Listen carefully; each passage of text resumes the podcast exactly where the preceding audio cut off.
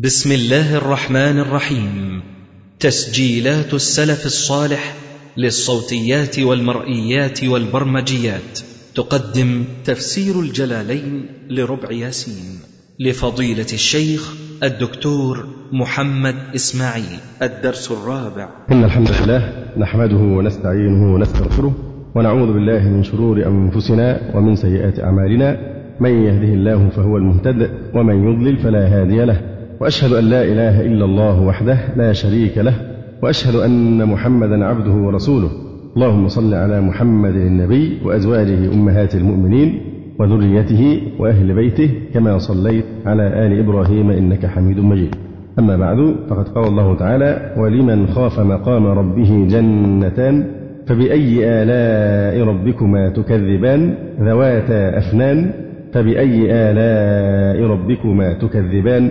فيهما عينان تجريان فبأي آلاء ربكما تكذبان؟ فيهما من كل فاكهة زوجان فبأي آلاء ربكما تكذبان؟ متكئين على فرش بطائنها من استبرق وجنى الجنتين دان فبأي آلاء ربكما تكذبان؟ فيهن قاصرات الطرف لم يطمثهن إنس قبلهم ولا جان فبأي آلاء ربكما تكذبان؟ كأنهن الياقوت والمرجان فبأي آلاء ربكما تكذبان؟ ولا بشيء من نعمك ربنا نكذب فلك الحمد. ثم يقول الله تعالى هل جزاء الإحسان إلا الإحسان؟ فبأي آلاء ربكما تكذبان؟ يعني ليس جزاء الإحسان في العمل إلا الإحسان في الثواب وهو الجنة. ولذلك قال تعالى فبأي آلاء ربكما تكذبان. ثم قال عز وجل ومن دونهما جنتان. قيل جنتان من ذهب للمقربين وجنتان من ورق لأصحاب اليمين. ومن دونهما جنتان فبأي آلاء ربكما تكذبان. مدهامتان فبأي آلاء ربكما تكذبان. أما قوله تعالى ومن دونهما جنتان فمعظم المفسرين فهم من قوله تعالى ومن دونهما أن هاتين الجنتين دون اللتين قبلهما في المرتبة والفضيلة والمنزلة بنص القرآن الكريم. لأن قوله تعالى ومن دونهم يعني يشير أنه أن هاتين الجنتين أقل من اللتين ذكرا أولا في الآيات السابقة. وهذا هو الظاهر يعني من كلام عامة المفسرين. وإن كان بعضهم ذهب إلى العكس وهو تفضيل الجنتين المذكورتين آخرا على المذكورتين أولا ثم اجتهد في توجيه كل فرق بينهما ذكرناه من قبل بما ينصر مذهبه. لكن كما أشرنا الأقرب والله تعالى أعلم أن الجنتين الأوليين أعظم وأعلى وأفضل من الجنتين اللتين ذكرتا فيما بعد. وروي في الحديث جنتان من ذهب آنيتهما وما فيهما وجنتان من فضة آنيتهما وما فيهما فالأوليان للمقربين والأخريان لأصحاب اليمين. وقال أبو موسى جنتان من ذهب للمقربين وجنتان من فضة لأصحاب اليمين. وقال ابن عباس ومن دونهما جنتان من دونهما في الدرج وقيل من دونهما في الفضل. والدليل على شرف الأوليين على الأخريين وجوه. أحدها أنه نعت الأوليين قبل هاتين يعني تعرض لذكر أوصاف الجنتين الأوليين قبل ذكر الأخرين ولا شك أن التقديم يدل على الاعتناء. ثم قال بعد ذلك ومن دونهما جنتان وهذا ظاهر في شرف التقدم وعلوه على الثاني. ثم قال في الأولين ذواتا أفنان وهي الأغصان أو الفنون في الملاذ. وقال هنا مدهامتان أي سوداوان من شدة الري. وقال ابن عباس رضي الله عنهما في قوله تعالى مدهامتان قد اسودتا من الخضرة من شدة الري من الماء. فمعنى قوله تعالى مدهامتان يعني خضروان أو ممتلئتان من الخضرة. وقال قتادة مدهامتان خضروان من الري ناعمتان. ولا شك في نضارة الأغصان على الأشجار المشتبكة بعضها في بعض. فهذا فيما يتعلق بقوله تبارك وتعالى في وصف الجنتين الأخريين في قوله ومن دونهما أي دون تينك الجنتين المنوه بهما جنتان أي بستانان آخران إشارة إلى وفرة الجنان واتصالها وسعة امتداد الطرف في مناظرها. فبأي آلاء ربكما تكذبان مدهامتان أي خضروان من الري تضربان إلى السواد من شدة الخضرة يعني من شدة اللون الأخضر تميل من شدة الخضرة إلى السواد. أو تميل إلى السواد من كثرة أشجارها الممتدة لا إلى نهاية. فأحيانا المكان الأخضر الكثيف اللي رأيته من بعيد تراه يعني أسود ولعل من ذهب إلى منطقة أبها في جنوب الجزيرة هناك هضبة عالية جدا تسمى السودة الناس يسمونها السودة أو السوداء. فهذه الهضبة المرتفعة في أبها يعني يشيل هذا المعنى تراها في الأفق هي من شدة الخضرة الخضرة كثيفة جدا. فمن شدة الخضرة تراها كأنها سوداء حتى الناس يسمونها السودة أو السوداء. كذلك قرى العراق سميت سوادا يقال سواد العراق. لماذا سميت سوادا؟ لكثرة خضرتها. بل أحيانا يقال لليل المظلم أخضر. الليل المظلم يوصف بأنه أخضر ويقال أباد الله خضراءهم يعني سوادهم. فهذا خلاصة الكلام في معنى قوله تعالى مدهامتان يعني الدلالة إلى شدة تمكن اللون الأخضر وأنهما ممتلئتان من الخضرة. وقال هناك في الجنتين الأوليين فيهما عينان تجريان. وقال هنا فيهما عينان نضاختان. قال علي بن أبي طلحة عن ابن عباس رضي الله عنهما نضاختان أي فياضتان موارتان بالماء. ولا شك أن الجر أقوى من النضخ. وقال الضحاك نضاختان أي ممتلئتان لا تنقطعان. فمعنى النضاختان فوارتان بالماء فبأي آلاء ربكما تكذبان؟ وقال هناك فيهما من كل فاكهة زوجان من كل فاكهة فهذا يعم جميع أنواع الفاكهة.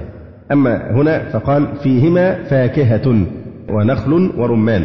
ولا شك أن الأولى أعم وأكثر في الأفراد والتنويع على فاكهة وهي نكرة في سياق الإثبات. نكرة في سياق الإثبات لا تعم.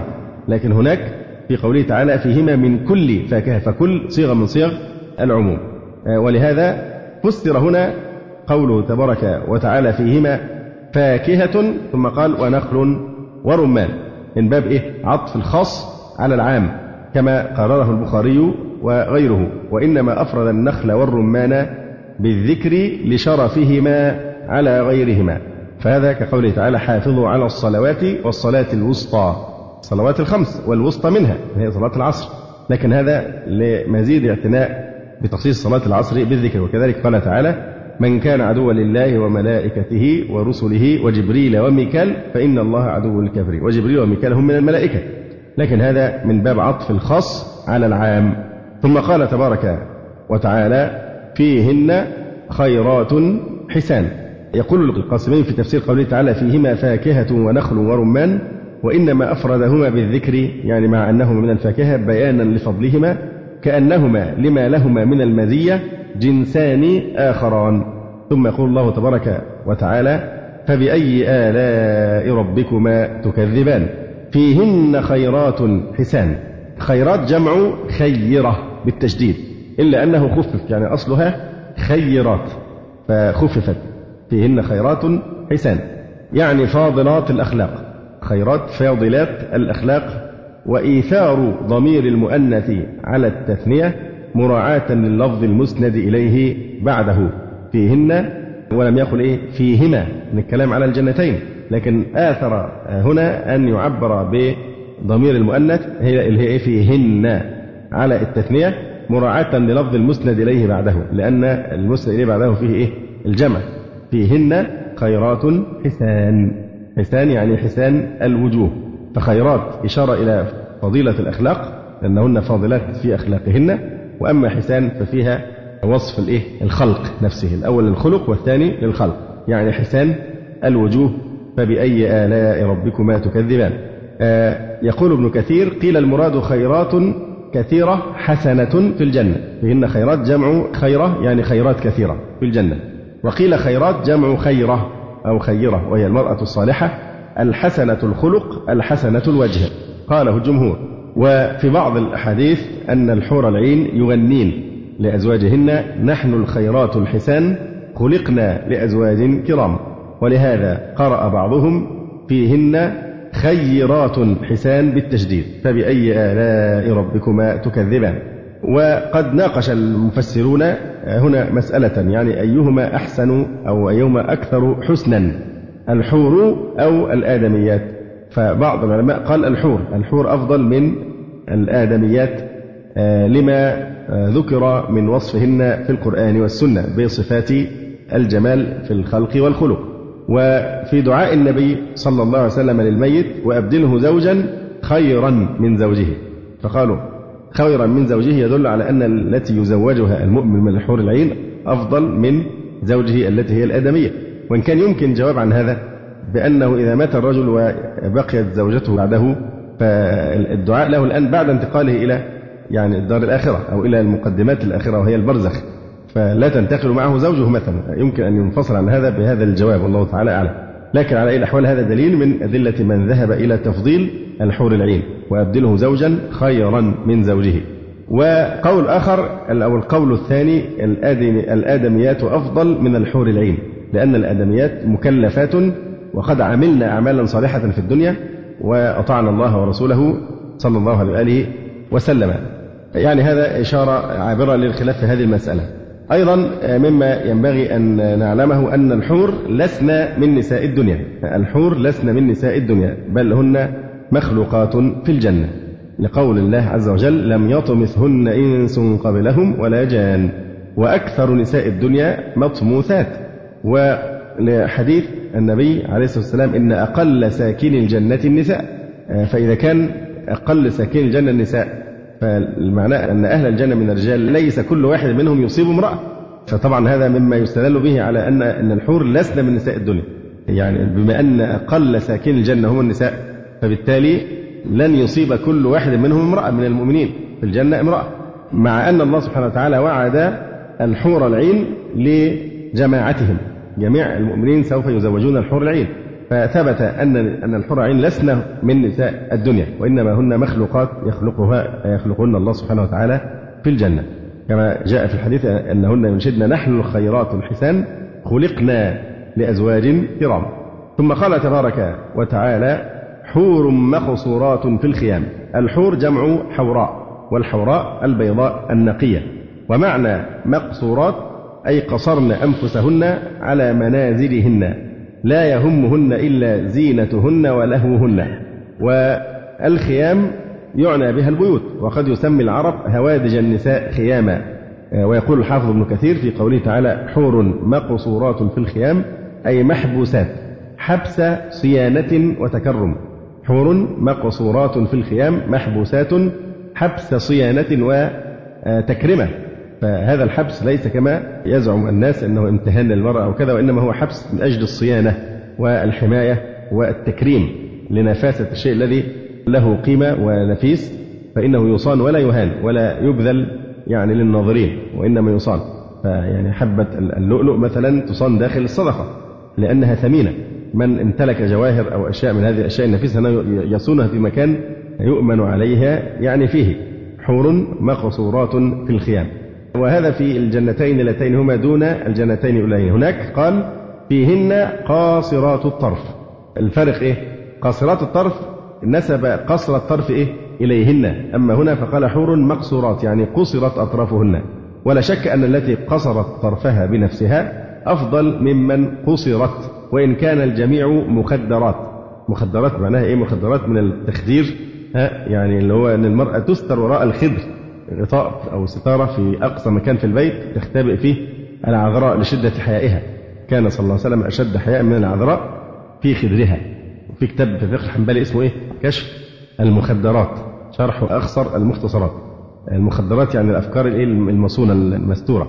واضح؟ وحتى أعتقد في الريف أو في الصعيد البنت إذا كبرت يقولوا دي اتخدرت. يعني إيه اتخدرت؟ يعني كبرت فالمفروض أنها بتصان وتستر في داخل البيت. حور كما قلنا جمع حوراء والحوراء الشديدة بياض العين الشديدة سوادها الشديدة بياض العين الشديدة سوادها وقوله مقصورات كما قلنا محبوسات حبس صيانة وتكرمة. فالمقصود هنا يعني عدم خروجهن أو نظرهن وتطلعهن إلى غير أزواجهن. وأنشدنا قول كثير وأنت التي مخاطبا عزة وأنت التي حببت كل قصيرة إلي وما تدري بذاك القصائر. عنيت قصيرات الحجال ولم أرد قصار الخطى شر النساء البحاتر يعني أنت التي حببت كل قصيرة يعني كل امرأة قارة في بيتها مقصورة على بيتها إلي وما تدري بذاك القصائر. عنيت قصيرات الحجال. يعني أعني النساء اللائي يقصرن أنفسهن داخل الخيام أو داخل البيوت أو داخل الخدر ولا يخالطن الرجال. عنيت قصيرات الحجال ولم أرد قصار الخطى. لست أمتدح بهذا المرأة القصيرة. في خطاها شر النساء البحاتر. يعني القصيرة المجتمعات الخلق. حور مقصورات في الخيام في الحجال. لسنا في الطوافات في الطرق. أما الخيام فقيل هي خيام اللؤلؤ. في الجنة خيمة واحدة من لؤلؤة أربعة فراسخ في أربعة فراسخ عليها أربعة آلاف مصراع من الذهب. لم يطمثهن إنس قبلهم ولا جان يعني بهن حور الجنتين اللتين من دون الأوليين أو أنه تكرير لما سبق للتنويه بهذا الوصف وكونه في مقدمة المشتهيات وطليعة الملذات. فقال عز وجل لم يطمثهن إنس قبلهم ولا جان إلا أن الله سبحانه وتعالى زاد في وصف الأوائل الحور الأوائل فقال كأنهن الياقوت والمرجان. أما هنا فلم يصف هؤلاء الحور بذلك. فبأي آلاء ربكما تكذبان. ثم قال عز وجل متكئين على رفرف أي على سرر أو مساند أو وسائد. متكئين على رفرف خضر وعبقري حسان أي سرر أو مساند أو وسائد. خضر وعبقري أي طنافس. وبسط حسان أي جياد. والصفة كاشفة.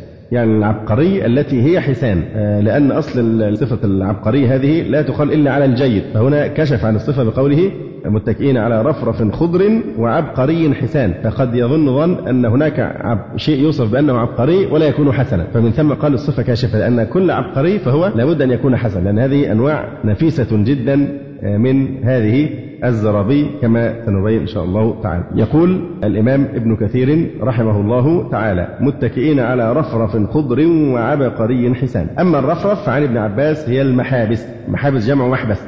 بفتح الميم محبس. والمحبس ثوب يطرح على ظهر الفراش للنوم عليه. يعني ملاءة السرير اللي الإنسان بينام عليه. هذه محبس. هذا في قول يعني إنه هو الرفرف. رفرف الخضر يعني هذه المحابس. الثوب الذي يفرش لينام الإنسان عليه على السرير. وقال علاء بن بدر الرفرف على السرير كهيئة المحابس المتدلي. وقال عاصم الجحدري متكئين على رفرف خضر يعني الوسائد. هذا قول آخر. إنها الوسائد. وعن سعيد بن جبير قال الرفرف رياض الجنة. والرفرف قيل هي المحابس يتكئون على فضولها يعني أنها متدلية. متكئين على رفرف خضر وعبقري حسان. العبقري هي الزرابي. وقال سعيد بن جبير هي عتاق الزرابي يعني جيادها. وقال مجاهد العبقري الديباج. وسئل الحسن البصري عن قوله وعبقري حسان فقال هي بسط أهل الجنة لا أبا لكم فاطلبوها وعنه أنها المرافق. وقال زيد بن أسلم العبقري أحمر وأصفر وأخضر وقيل العبقري من ثياب أهل الجنة لا يعرفه أحد. وقال أبو العالية العبقري الطنافس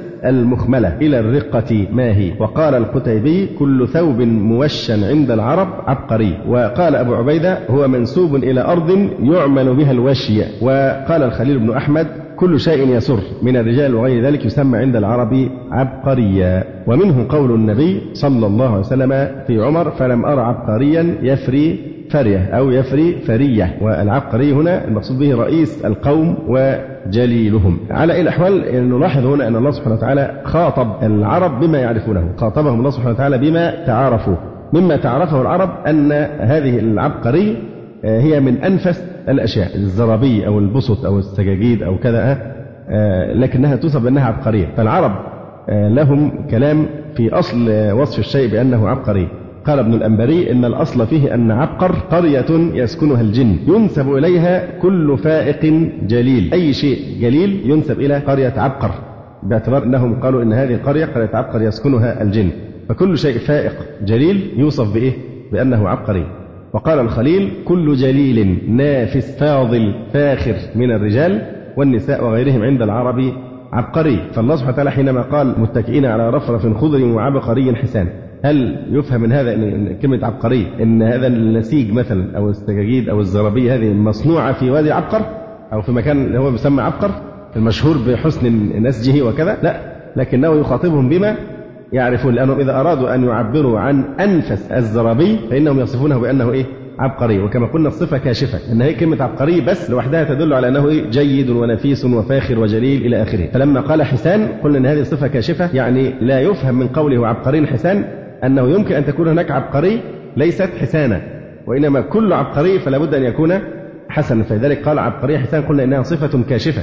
وطبعا كما قلنا يعني إنهم ينسبون إلى عبقر كل شيء يعجبون من حذقه وجودة صنعته وقوته.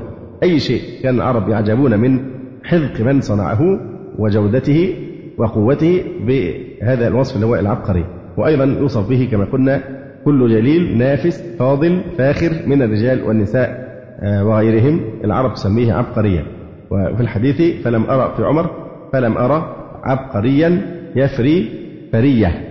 نلفت النظر طبعا لابد أنكم سمعتم عن سلسلة بالنسبة للعقاد تسمى إيه؟ العبقريات. عبقرية محمد أو عبقرية عمر وعبقرية الصديق وهكذا. آه، في الحقيقة يعني آه، حصل نوع من الجدل حول إطلاق وصف العبقري على النبي محمد صلى الله عليه وسلم. وصف الرسول صلى الله عليه وسلم بأنه أعظم الأبطال أو أنه أشجع الشجعان أو أنه أفضل 100 شخصية عرفها العالم. آه، هذا كله بالنسبة إلينا المفروض أن لا مش يعني هذا نوع من الرضا. مسألة ما يعني يجادل فيها منصف. ولذلك رأينا كثيرا من الكفار يمدحون الرسول صلى الله عليه وسلم مدحا شديدا جدا ومدحا عظيما. كجوتا الشاعر الألماني المعروف له كلام تولستوي الروسي الأديب الروسي له كلام في غاية الروعة والاحترام للرسول عليه السلام. برنارد شو وهكذا كبرائهم المدعو غاندي هذا ابن غاندي ابن غاندي أسلم دخل في الإسلام. ابن غاندي الوثني هذا الهندي عابد البقر دخل آه، في الإسلام. فهؤلاء الناس لم يدخلوا في الإسلام بمجرد أن يمدحوا الرسول عليه السلام. حتى يشهدوا أن لا إله إلا الله وأن محمدا رسول الله. فالرسول عليه السلام بعث كي يؤمن الناس بأن لا إله إلا الله وأنه رسول الله. أما الوقوف عند كلمة عبقرية ونحن نصر حينما نجد هؤلاء الناس يمدحونه بكذا وكذا مما هو دون الاعتراف بأنه رسول الله فيعني ما يهز فينا شعره. آه، هو يعكس طبعا أن يعني صفات الرسول عليه وسلم يعني لا ينبغي أن يختلف فيها عاقل آه، أنه أكبر البشر. ولكن الوقوف عند هذا الحد لا. ويقرن بنابليون ويقرن بكذا وكذا. هذا كلام عجيب يعني. لكن الحد الفاصل بين الإيمان والكفر أن تؤمن أن محمدا نبي الله ورسوله صلى الله عليه وآله وسلم. يقول ابن كثير رحمه الله تعالى وعلى كل تقدير فصفة مرافق أهل الجنتين الأوليين أرفع وأعلى من هذه الصفة. فإنه قد قال هناك متكئين على فرش بطائنها من استبرق. فنعت بطائن فرشهم وسكت عن ظاهرها اكتفاء بما مدح به البطائن بطريق الأولى والأحرى. يعني إذا كان البطائن من استبرق وهو الديباج الحرير فكيف بالظواهر؟ لا شك هذا من باب التنبيه بالإيه بالأدنى على الأعلى. وتمام الخاتمة أنه قال بعد الصفات المتقدمة بعد ما ذكر كل الصفات المتقدمة في الجنتين الأوليين قال هل جزاء الإحسان إلا الإحسان؟ فوصف أهلها بالإحسان وهو أعلى المراتب والنهايات كما في حديث جبريل لما سأل عن الإسلام ثم الإيمان ثم الإحسان فهذه وجوه عديدة في تفضيل الجنتين الأوليين على هاتين الأخريين ونسأل الله الكريم الوهاب أن يجعلنا من أهل الأوليين آمين. ثم قال الله تبارك وتعالى فبأي آلاء ربكما تكذبان؟ يعني أن من إكرامه أهل طاعته منكما هذا الإكرام. هذه النعمة وهي إكرام. من أطاعه منكم هذا الإكرام. فهل تكذبان يا معشر الجن والإنس بهذا الإكرام الذي هو في هاتين الجنتين أيضا؟ فبأي آلاء ربكما تكذبان؟ ثم قال تبارك وتعالى تبارك اسم ربك ذي الجلال والإكرام أي ذي العظمة والكبرياء والتفضل بالآلاء. فمعنى قوله ذي الجلال والإكرام أي هو سبحانه وتعالى أهل أن يجلى فلا يعصى وأن يكرم فيعبد ويشكر فلا يكفر ويذكر فلا ينسى يقول النبي صلى الله عليه وآله وسلم إن من إجلال الله إكرام ذي الشيبة المسلم وذي السلطان المقسط وحامل القرآن غير الغالي فيه والجافي عنه ورواه أبو داود. وعن أنس مرفوعا عن النبي عليه الصلاة والسلام قال ألظوا بيا ذا الجلال والإكرام ألظوا بيا ذا الجلال والإكرام. ألظوا يعني إلزموا هذا الاسم واثبتوا عليه وأكثروا من الدعاء به. يعني يحاول الإنسان أن يكثر في دعائه أن يقول يا ذا الجلال والإكرام. وكان النبي صلى الله عليه وسلم إذا سلم لا يقعد يعني بعد الصلاة إلا قدر ما يقول اللهم أنت السلام ومنك السلام تباركت يا ذا الجلال والإكرام. والاسم هنا كناية عن الذات العالية. يعني تبارك اسم ربك ذي الجلال والإكرام مثل إيه؟ تبارك ربك ذي الجلال والإكرام. حينما تقول سبح اسم ربي الأعلى هل أنت تقول سبحان اسم ربي الأعلى؟ تقول سبحان ربي الأعلى. فالمقصود به الذات العالية. لماذا؟ لأنه كثر اقتران الفعل المذكور معها كقول الله تبارك وتعالى تبارك الذي جعل في السماء بروجا وقال تبارك الذي بيده الملك تبارك الذي نزل الفرقان على عبده. يقوي هذا القراءة بالرفع. تبارك اسم ربك ذو الجلال والإكرام على الصفة للاسم وسر إيثار الاسم. رغم أن المقصود هو الذات العالية التنبيه على أنه لا يعرف منه تعالى إلا أسماؤه الحسنى. لاستحالة اكتناه الذات المقدسة فما عرف الله إلا الله. يعني تبارك اسم ربك ذي الجلال والإكرام اقتصر عز وجل على ذكر إيه؟ الاسم. تنبيه على أننا لا نعرف من الله سبحانه وتعالى إلا أسماءه الحسنى. حتى الأسماء الحسنى نحن لا نعرفها كلها وإنما نعرف ما كشف لنا منها. أسألك بكل اسم لك سميت به نفسك أو أنزلته في كتابك أو علمته أحدا من خلقك أو استأثرت به في علم الغيب عندك. فأسماء الله لا تنحصر في التسعة والتسعين وإنما هي أكثر من ذلك لا يعلمها إلا الله سبحانه وتعالى. نحن لا نعرف إلا الأسماء وحتى الأسماء لا نعرف إلا هذا العدد المحدود لاستحالة اكتناه الذات المقدسة فما عرف الله عز وجل إلا الله. وقيل إن لفظ اسم مقحم كقول الشاعر إلى الحول ثم اسم السلام عليكما يعني ثم السلام عليكما فلفظة اسم يعني آه، مقحمة. وهذا الشاعر هو لبيد ابن ربيعة في قصيدة يخاطب فيها بنتيه تمنى ابنتاي أن يعيش أبوهما وهل أنا إلا من ربيعة أو مضر؟ ثم أمرهما بأمره فقال قبل بيت الشهيد فقوما فقولا بالذي قد علمتما يعني يوصيهما بعد ما يموت ماذا يفعلان؟ فقولا بالذي قد علمتما ولا تخمشا وجها ولا تحلقا شعر وقولا هو المرء الذي لا خليله أضاع ولا خان الصديق ولا غدر إلى الحول. ثم اسم السلام عليكما ومن يبكي حولا كاملا فقد اعتذر. الحداد في الجاهلية يستمر سنة كاملة. فالشاهد هنا قوله إلى الحول يعني ابكي واندباني واذكر محاسني إلى الحول لمدة سنة كاملة إلى الحول. ثم اسم السلام عليكم يعني ثم السلام عليكم. فهذا شاهد لحذف أو لإقحام آه، لفظة اسم.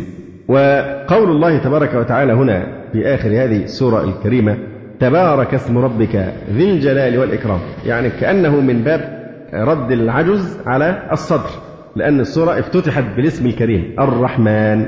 واختتمت تبارك اسم ربك ذي الجلال والإكرام. وفيما بينهما السورة كلها في تعداد نعم الله وآلائه على خلقه. فكأن المراد بقوله تبارك اسم ربك ذي الجلال والإكرام كأنه يريد الاسم الذي افتتحت به هذه السورة وهو اسم الرحمن. فافتتح بهذا الاسم فوصف خلق الإنسان والجن وخلق السماوات والأرض وصنعه وأنه عز وجل كل يوم هو في شأن ووصف تدبيره فيهم ثم وصف يوم القيامة وأهوالها وصفة النار ثم ختمها بصفة الجنان ثم قال في آخر السورة تبارك اسم ربك ذي الجلال والإكرام. أي تبارك هذا الاسم الذي افتتح به هذه السورة كأنه سبحانه وتعالى يعلمهم أن هذا كله خرج لكم من رحمتي. كل هذا الذي ذكر في السورة خرج لكم من رحمتي. فمن رحمتي خلقتكم ومن رحمتي خلقت لكم السماء والأرض ومن رحمتي خلقت الخلق والخليقة والجنة والنار. فهذا كله لكم من اسم الرحمن. فماذا حسمه ثم قال ذي الجلال والإكرام. يعني أنه جليل في ذاته كريم في أفعاله سبحانه وتعالى. فمن مقتضى هذه الآية الكريمة أن يعظم اسم الله سبحانه وتعالى. تبارك اسم ربك ذي الجلال والإكرام. فمن تعظيم الله عز وجل أن يصان عن يعني أي شيء يتنافى مع إكرامه. يقول عبد الله بن عون رحمه الله تعالى كان محمد أي ابن سيرين يكره أن يشتري بهذه الدنانير المحدثة والدراهم التي عليها اسم الله مع أن هناك بولا شاسعا بين امتهان اسم الله عز وجل بأنه يكتب على الدنانير الذهبية وبين ما يحصل الآن من كتابته على أوراق الجرائد وكذا وكذا ثم يمتهن الاسم الكريم. فهذا يتصادم مع مقتضى قوله تعالى تبارك اسم ربك ذي الجلال والإكرام فيجب يعني تنزيه اسم الله سبحانه وتعالى عن أي تعريض للامتهان أو ما لا يليق به من الإكرام. يعني بعض الناس تتساهل في أشياء لا يفتنون إليه تجد بعض الناس مقبض الباب مقبض الباب بيتكتب عليه ساعات الله أكبر ما شاء الله إلى آخره. فاسم الجلالة ما يستعمل هذا الاستعمال. تعمله كآلة ويقبض باليد وكذا وكذا لا. ما ينبغي التهاون في مثل هذا الأمر. والأعداء أعداء الإسلام والكفرة الآن إذا أرادوا أن يغيظوا المسلمين تعرفون ما يفعلونه من الإهانة لاسم الله سبحانه وتعالى. فما يليق بمسلم أبدا أن يمتهن اسم الله عز وجل إلا إذا تعمل ذلك فإنه يكفر. وقد نص العلماء على أنه في آداب قضاء الحاجة كما ناقشناها من قبل أنه لا يجوز أبدا أن يتم الاستنجاء بما هو محترم بما هو محترم. نجد تهاون الناس تهاونا شديدا جدا في التعامل مع الأوراق الجرائد. واحد عايز يصلي هو عايز يصلي ويعظم ربنا بالركوع والسجود ثم يطأ على اسم الله. لأن الجرائد لا يمكن تخلو أبدا. من اسم الله؟ الجرائد المكتوبة بالعربي هذه على الأقل صحيح هي ليس فيها ذكر الله على سبيل الكلام الديني. إلا ما, ما ندر ولكن مش هتخلو اسم وزير أو مسؤول أو مدير أو شخص بيتكلم اسمه عبد الله أو عبد الرحمن أو نحو ذلك من أسماء الله. فإذا وطأت عليك أنك أهنت اسم الله سبحانه وتعالى. فلا ينبغي التساهل يعني أنت بتصلي في نفس الوقت تهين اسم الله أو تلف البضائع في إيه؟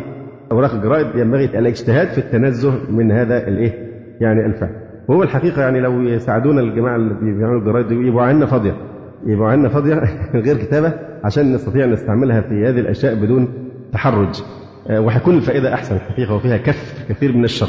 آه، يختم القاسمي رحمه الله تعالى يختم تفسيره لسورة الرحمن بهذه الفائدة يقول فيما قاله الأئمة في سر تكرير فبأي آلاء ربكما تكذبان؟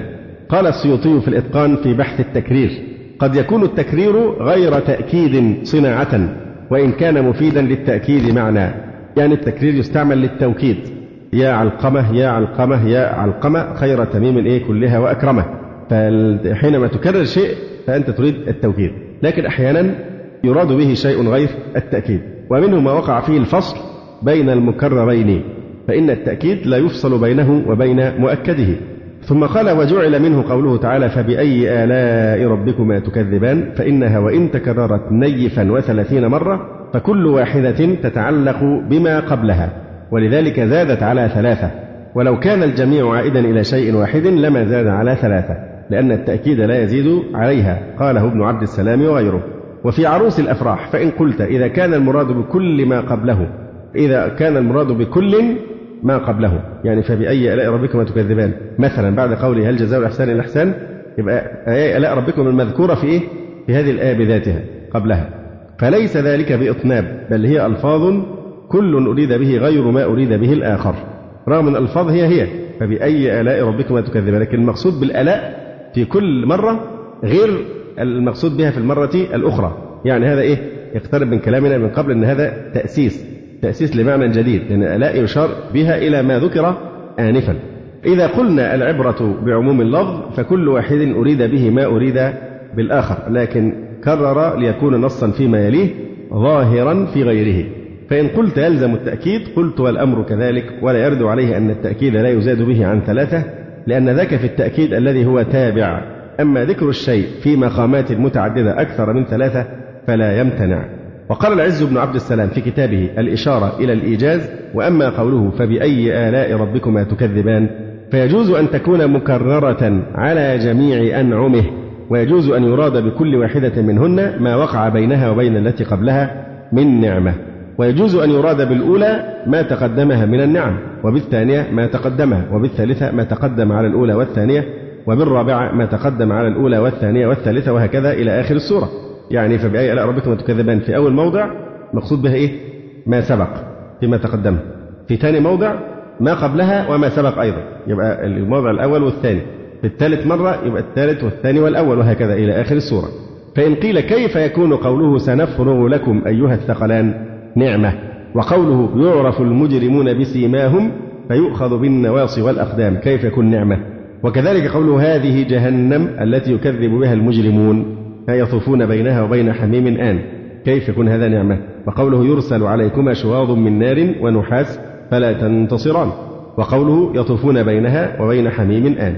قلنا هذه كلها نعم جسام لأن الله هدد العباد بها إصلاحا لهم لأن الله سبحانه وتعالى حينما يعظنا في الدنيا ويوحي إلى الرسول عليه الصلاة والسلام هذه الآيات في وصف النار وعذاب النار وهذه الأهوال هي استصلاح لإصلاح الناس ولحثهم على التوبة والاستقامة فالترهيب نعمة من حيث إنه زاجر عن المحرمات ودافع إلى الاستقامة على شرع الله تبارك وتعالى. إذا هذه كلها نعم جسام لأن الله هدد العباد بها استصلاحا لهم ليخرجوا من حيز الكفر والطغيان والفسوق والعصيان إلى حيز الطاعة والإيمان والانقياد والإذعان.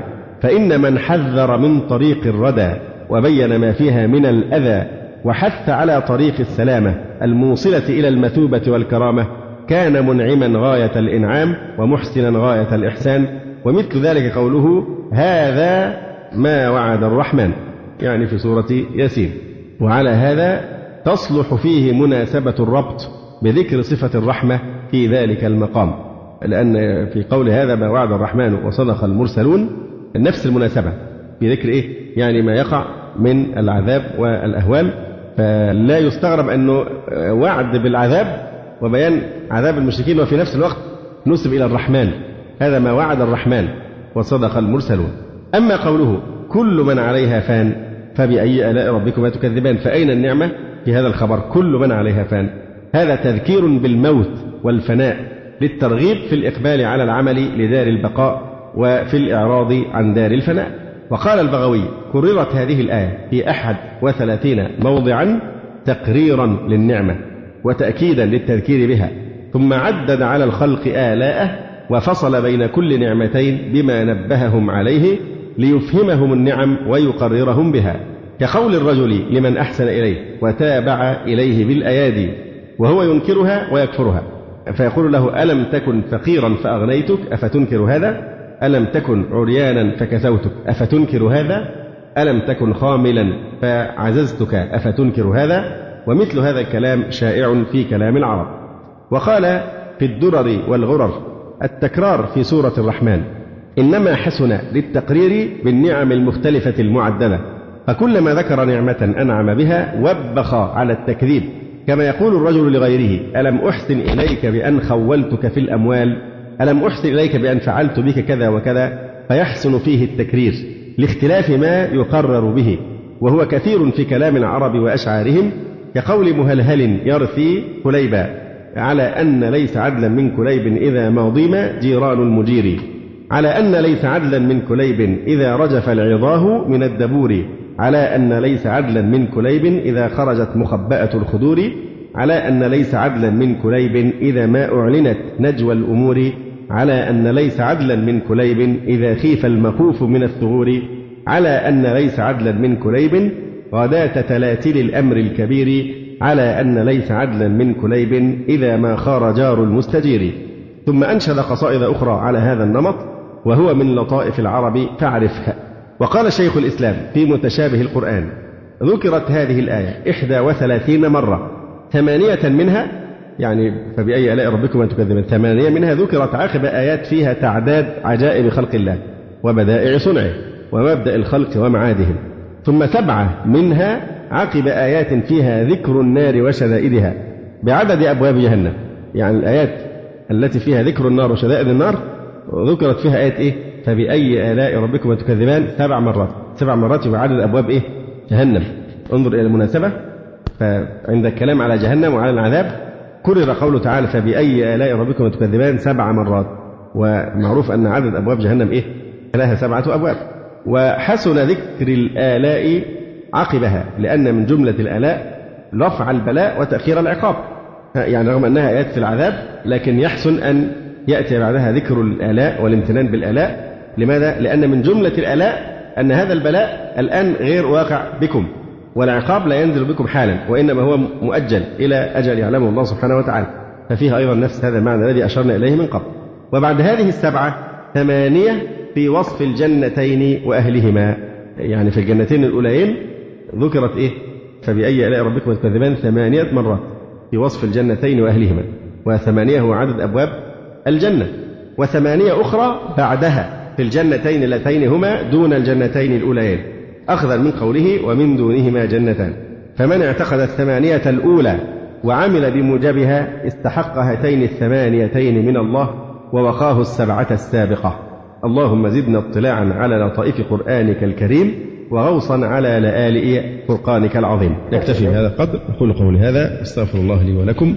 سبحانك اللهم ربنا وبحمدك أشهد أن لا إله إلا أنت أستغفرك وأتوب إليك. جزى الله فضيلة الشيخ خير الجزاء ونسأل الله جل وعلا أن يرفع مكانة الشيخ في المهديين وأن يجعله علما من أعلام الهدى والدين. ولا تنسونا وتنسوا الشيخ من دعوة صادقة بظهر الغيب.